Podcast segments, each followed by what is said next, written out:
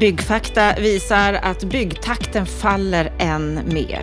Och det är en bra idé att förlänga genomförandetiden för markanvisningar, men tomträtt löser inga problem för att öka byggandet i Göteborg. Och förslaget att inte ombilda kommunala bostäder, det är ett återfall i gammalt ryggmärgstänkande samtidigt som småhus i hyresrätt inte kommer att fungera i praktiken.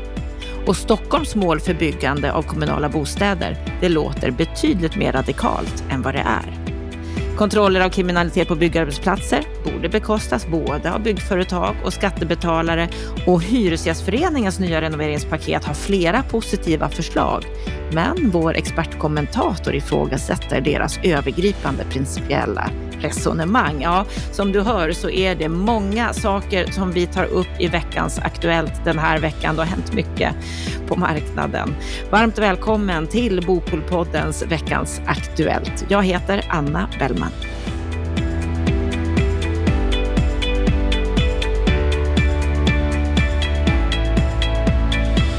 Vi börjar veckans Aktuellt med att Byggfakta har kommit med en ny byggstartsindikator. Bostadsbyggandet faller för fjortonde månaden i rad. Och Byggfaktas analyschef Tor Borg, han säger att det senaste utfallet för byggstartsindikatorn indikerar att årstakten för antalet byggstartade bostäder kommer att fortsätta falla brant under resten av 2022 och nå drygt 45 000 för helåret. Och det här skulle innebära att byggstarterna under andra halvåret i år nästan halveras jämfört med vad de var under andra halvåret i fjol. Ja, Lennart Weiss, vad säger du om Byggfaktas siffror här? Ja, vi kan ju börja veckans Aktuellt med veckans Vad var det jag sa med Lennart Weiss? För det här har jag ju sagt varenda gång, ända sedan tidigt i våras, när Torborg fortfarande trodde att bostadsbyggandet skulle öka. Så en knäpp på näsan till Torborg till att börja med. Men om vi nu benar lite i det här seriöst så kan man då konstatera att man först säger att eh, byggaktiviteten ökar i termer av byggkostnader. Och det, den där saken vill jag kommentera först därför att byggkostnader det är inte samma sak som byggaktivitet. Det reflekterar ju bara att kostnaderna har ökat. Så att här finns ju en inflationseffekt.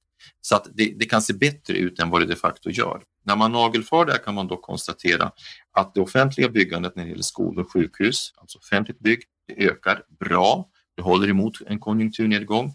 Det är eh, ungefär stabilt när det gäller kontor, handel, industri. Det är också en bra konjunkturindikator. Och så kommer vi till bostäderna. Det är liksom kollaps det, det är tvärstopp.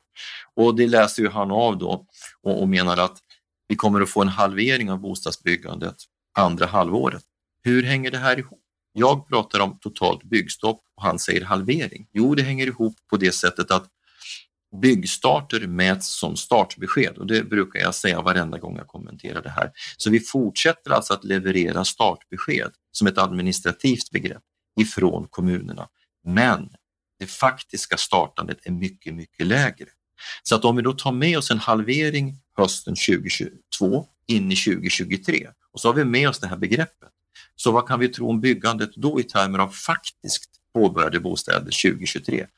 Anna, det blir ett blodbad. Du kommer alltså att se en formidabel krasch av byggandet av både hyresrätter, egna hem och bostadsrätter nästa år. I termer av påbörjade bostäder som administrativt begrepp så kanske vi kommer upp till en halvering i förhållande till toppåret 2021. Men jag skulle säga så här, att jag tror att det idag är en för optimistisk bedömning.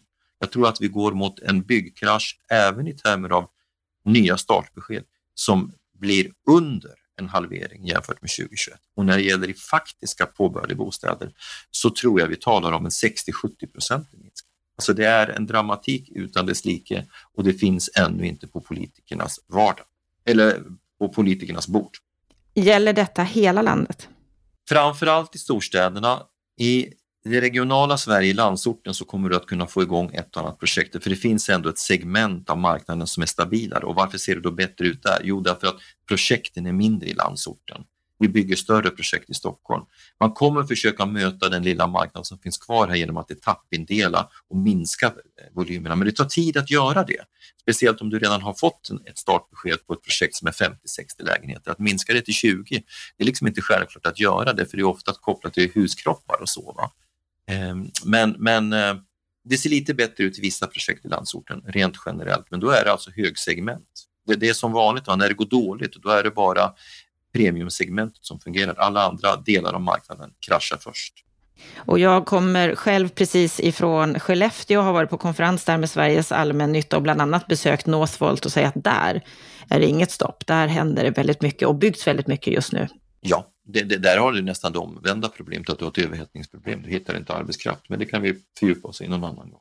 Det fördjupar vi oss i en annan gång. Ja, vi går alltså enligt dig då mot ett totalt byggstopp för bostäder i i princip hela landet, samtidigt som behovet av bostäder, framförallt då i storstäderna, som du sa här, är ju oerhört stort. Så hur ska vi egentligen göra för att hålla bostadsbyggandet uppe? Ulf Kamnes, tidigare miljöpartistisk kommunalråd med ansvar för stadsutvecklingsfrågor i Göteborg, numera är han public affair-konsult på A Beautiful Soap. Han föreslår tillsammans med kollegan Mattias Axelsson fem åtgärder som Göteborgs stad hade kunnat genomföra med en gång. Och han menar bland annat att man hade kunnat förlänga genomförandetiden för markanvisningar, att man kunde skifta fokus från högsta pris vid markförsäljning, mer fokus på hållbarhet och återbruk, att erbjuda tomträttsmark till bostadsutvecklare om utvecklaren vill, att stimulera tillbyggnad, bland annat på flerbostadshus i förortsområden, att flerdubbla antalet markanvisningar. Ja, vad, vad säger du om de här förslagen som de menar skulle kunna genomföras på en gång? Ja, först Ulf Kamne är ju en person som jag saknar i politiken. Det är en person som jag har väldigt stor respekt för. Hoppas att han tar sig tillbaka till politiken i sinom tid. De här förslagen tycker jag då, dock representerar en lite blandad kompott av bra och mindre bra. Förläng genomförandetiderna, absolut. Tomträtter som ett sätt att sänka ingångskostnaden för ett projekt, nej, ingen bra idé.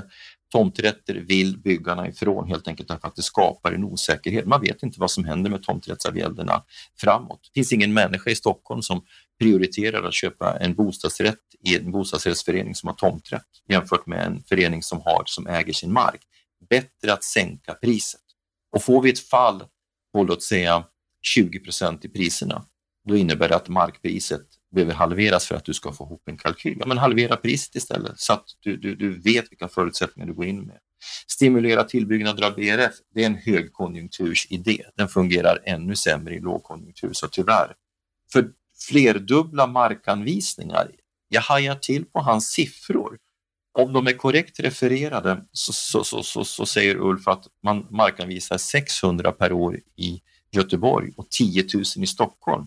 Nej, jag har väldigt svårt att tro att man markanvisar 10 000 lägenheter per år i Stockholm. Och så sent som igår var jag själv på en konferens i Stockholm som Skönhetsrådet arrangerade där vi hade människor från både stadsbyggnadskontoret och exploateringskontoret och några sådana tal talades inte om alls, utan jag skulle nog snarare säga att man kanske markanvisar 3-4 tusen per år i Stockholm, max. Men då är det fortfarande en ganska stor skillnad. Det är en stor skillnad och den kan inte jag förklara så här rakt upp och ner utan att gräva mer i orsakerna. Det kanske är så att man äger mer mark i Stockholm. Det kan vara en förklaring, en annan kan vara att man har en tradition av markanvisningar i Stockholm istället för att sälja mark. Ingen aning.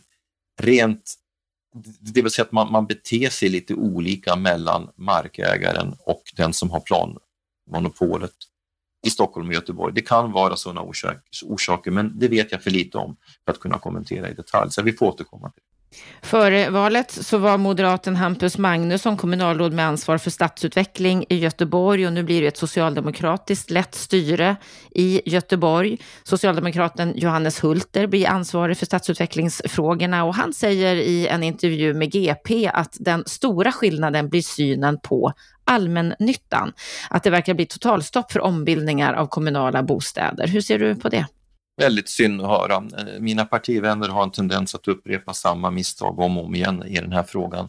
Det är inte bra att bygga fler hyresrätter i ett område som redan domineras av hyresrätter. Ska man få ordning på Göteborgs och Stockholms segregationsproblem så måste blandningen öka av hustyper och upplåtelseformer. Det är liksom ett sätt att öka den sociala stabiliteten i områdena.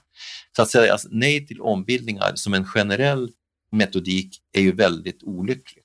Jag skulle säga att man kan vara mer selektiv. I områden som domineras av hyresrätter, ja, där ska man fortsätta ombilda. I områden där du har lite hyresrätter, där ska, kan man med fördel eh, öka andelen eh, hyresrätter såklart. Men det här är tyvärr felaktig politik och det andra förslaget de lanserar här, att bygga småhus i hyresrätt, tror jag väldigt lite på. Det finns ingen stor efterfrågan på att bygga småhus i hyresrätt. Jag kan tänka mig dock idén om, om man har det som en hy, hyrköpsidé. Då är det en bra idé. Ja, han vill alltså att behålla högens tidigare mål om att 500 småhus per år ska byggas, men titta på att upplåta en del av dem då som hyresrätter. Ja, jag får flika in där.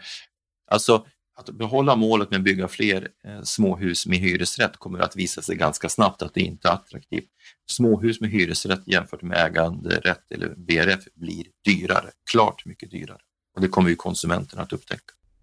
Även Stockholm har ju fått ett nytt vänsterstyre. Det är vänsterpartisten Klara Lindblom som är bostads och fastighetsborgarråd och häromdagen så gick hon ut med att den nya majoriteten höjer målet för byggandet av allmännyttiga hyresrätter. Tidigare var målet 600 om året och nu säger hon att det är 3500 lägenheter som ska byggas under mandatperioden, alltså på fyra års tid. De gick ju till val på 2000 per år. Hon säger så här att vi står inför ett tufft ekonomiskt läge i Sverige med en kommande lågkonjunktur och då är det viktigare än någonsin att kommunerna håller uppe allmännyttans byggande. Vi har ju fortfarande ett väldigt stort behov av hyresrätter med hyror som vanligt folk har råd med och dessutom är det viktigt för jobben i byggbranschen. Vad säger du om det här? Det som är ögonfallande, det är den ganska blygsamma målsättningen.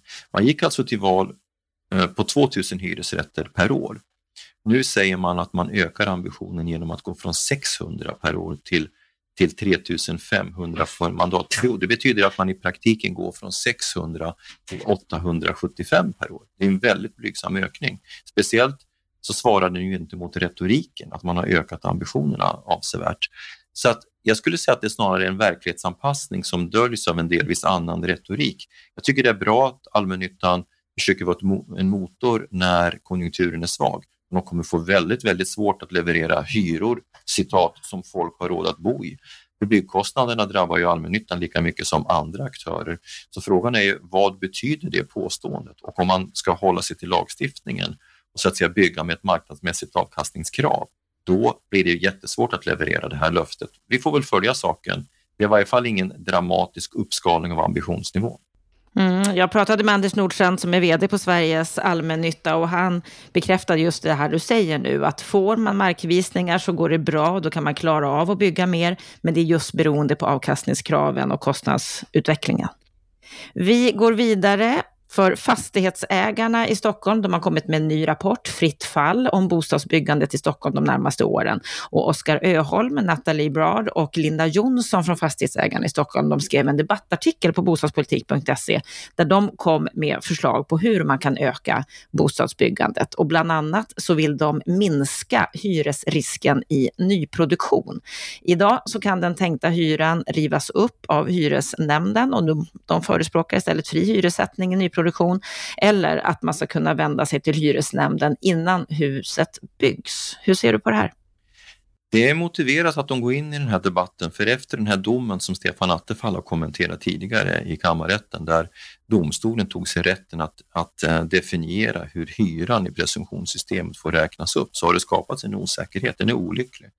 Eh, om, om vi så att säga, tänker oss att presumtionssystemet fungerar som det är tänkt, att man får kostnadstäckning, då, och, och, och, kan sätta hyrorna med utgångspunkt från en kostnadstäckning i 15 år, då har vi i praktiken hyror på marknadsnivå i nyproduktionen. Men här har det uppstått på, på grund av ett legalt feltramp, en osäkerhet. Så att jag förstår fastighetsägarnas upprördhet och oro på den här punkten. Här behöver regeringen gripa in ganska snabbt och med ny lagstiftning korrigera eh, det, doms, det, det, det, det domslut som domstolen fattade när det gäller hyresmarknaden. Det här var väldigt olyckligt.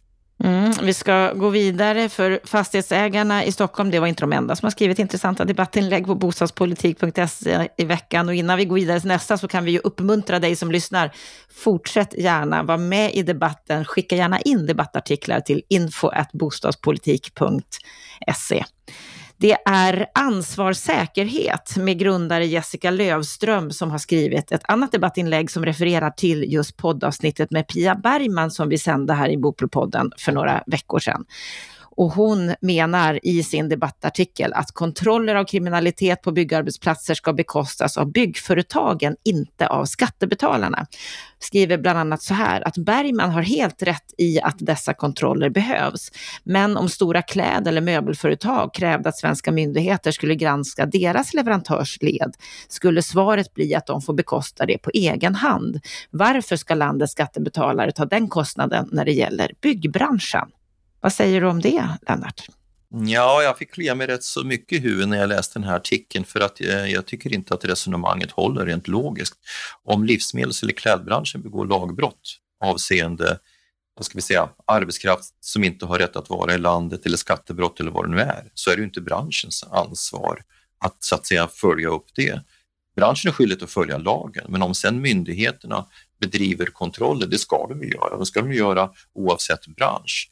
Så att det här är ju inte en fråga om antingen eller. Branschen ska göra sitt, ta sitt ansvar för att säkerställa att man följer lagar och regler. Men det är klart att det betyder inte att myndigheterna ska sluta att göra kontroller. Det, det har de en skyldighet att göra. Så att jag skulle väl säga att när det gäller de här frågorna kring arbetsmarknadsrelaterad kriminalitet så är ansvaret delat. Det finns vissa frågor som är statliga, som lyder under statligt ansvar. Det är att säkerställa att skattelagstiftningen följs och, och att bedriva en kontrollverksamhet som gör att man, man upprätthåller regelefterlevnaden när det gäller löner, arbetstider, sociala avgifter till viss del, i varje fall när det gäller trygghetsförsäkringar. Det är en partsfråga. Så ansvaret är delat och jag skulle nog säga att båda sidorna av bordet behöver skärpa sin uppföljning. Jag är ganska säker på att ansvarssäkerhet i andra sammanhang skulle säga att A-krim i Norge gör ett jättebra jobb. Eller skattemyndigheterna i Finland gör ett jättebra jobb som följer upp de här sakerna. Så varför skulle inte samma sak gälla i Sverige? Sen blir jag också lite fundersam över resonemanget om att det här ska bekostas av byggföretagen och det ska utföras av tredjepartsföretag som ansvar säkerhet. Då pratar de alltså för sin egen affär. Varför då? Om jag alltså, säger, Veidekke har ju ett eget affärsmässigt intresse av att kontrollera att eh, vi följer lagar och regler därför att det här är sanktions, alltså straff. Du kan hamna, hamna under strafföreläggande på ett antal punkter om du bryter mot regelverket. Det är den ena sidan av saken. Och den andra är att du har till exempel ett initiativ som bankinitiativet som riktar sig mot fastighetsbolagen, där fastighetsbolagen kan rikta penalties mot oss. Så att, att det skulle så att säga per automatik eh, vara oseriöst om byggföretagen själva kontrollerar, det förstår jag. Det resonemanget förstår jag överhuvudtaget inte. Sen gör vi ju det. Vi använder ju tredjepartsleverantörer för att det hjälper oss att öka precisionen. Men att det skulle finnas ett absolut samband eller en absolut problematik att göra på motsatt sätt, det ser jag inte. Det, det tycker jag faktiskt är väl mycket marketing. Vi ska avsluta veckans Aktuellt med Hyresgästföreningen som har lanserat ett renoveringspaket som de kallar för Renovera Sverige. De föreslår flera olika åtgärder för att möjliggöra trygga och hållbara renoveringar. Det handlar om infasning av ny hyra, renoveringsstöd, energieffektiv effektiviseringsstöd, moms på hyra, skattefria underhållsfonder och ett förstärkt bostadsbidrag. Och Marie Linder som är förbundsordförande på Hyresgästföreningen, hon säger så här att i frånvaro av bra ekonomiska villkor så har renovering resulterat i skyhöga hyreshöjningar och renovräkningar. Det vill säga att folk inte har råd att bo kvar. Nu går vi före och tar fram förslag som gynnar renoveringarna av de bostäder som verkligen behöver rustas upp, men utan att det resulterar resulterar i en hyreschock för hyresgästerna. Vad säger du Lennart om det här förslaget?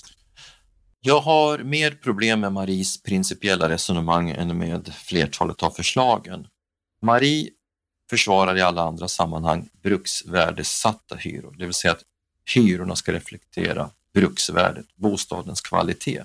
Så fort en fastighetsägare rustar upp med koppling till bruksvärdessystem, då blir det en fråga om social dumpning och renovräkningar. Så vilket system försvarar hon egentligen? Alltså det blir väldigt svårt att förstå hur man å ena sidan försvarar hyreslagstiftningen och å andra sidan hävdar att det används för renovräkningar. Så vad det här någonstans smälter ner i, det är liksom en konflikt på vilket sätt samhället ska säkerställa att vi har hyror som människor kan bo i. Och hennes linje är att man ska säkerställa det målet genom olika typer av produktionsstöd med ett undantag. Hon argumenterar också för bättre bostadsbidrag. Men varför ska samhället subventionera renoveringar i det hyrda beståndet när man egentligen inte gör det i någon betydande utsträckning i det ägda beståndet. Jag menar när vi renoverar i vår bostadsrättsförening, då hamnar det på vår avgift direkt. Så varför ska det inte hamna på hyran när fastighetsägaren gör en sån renovering? Jag skulle nog säga att den sociala, det här är en fråga om vem som ska utöva den sociala bostadspolitiken.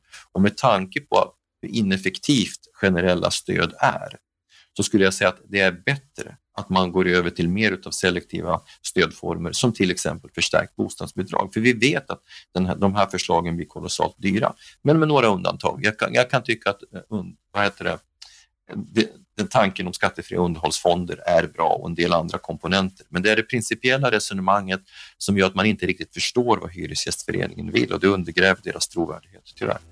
Ja, det var det vi hade ifrån veckans Aktuellt den här veckan, men vi vill slå ett slag för vårt program på måndag. För byggmaterialhandlarna de har gett sig in i den bostadspolitiska debatten. De har presenterat sju reformförslag som bland annat hyllades av dig, Lennart Weiss, i veckans Aktuellt för några veckor sedan. Och på måndag då möter vi VD Monica Björk. Jag tycker att eh, både samhället kan trycka på mer för att hjälpa till att skapa liksom, affärsmodeller, för vår del också, eh, så att det händer mera. För det kan göras mycket mer. Vi behöver inte slänga så mycket som vi gör idag till exempel. Byggavfallet är enormt och det finns en enorm potential att ta tillvara och göra någonting med det. Eh, så det finns mycket, men man måste göra det tillsammans. Det hjälps inte att en aktör jobbar utan det, det är så många aktörer i den här kedjan som behöver hjälpas åt och driva åt samma håll. Där hörde du Monica Björk. Samhället kan trycka på mer för klimatet. Hela samtalet med Monica hör du på måndag. Ett samtal som kommenteras av Lennart Weiss. Stort tack för att du lyssnar på oss på Bopolpodden. Gå gärna in och gilla vår podd och gå gärna in på bostadspolitik.se och läs mer. Med detta så önskar vi dig en riktigt trevlig helg.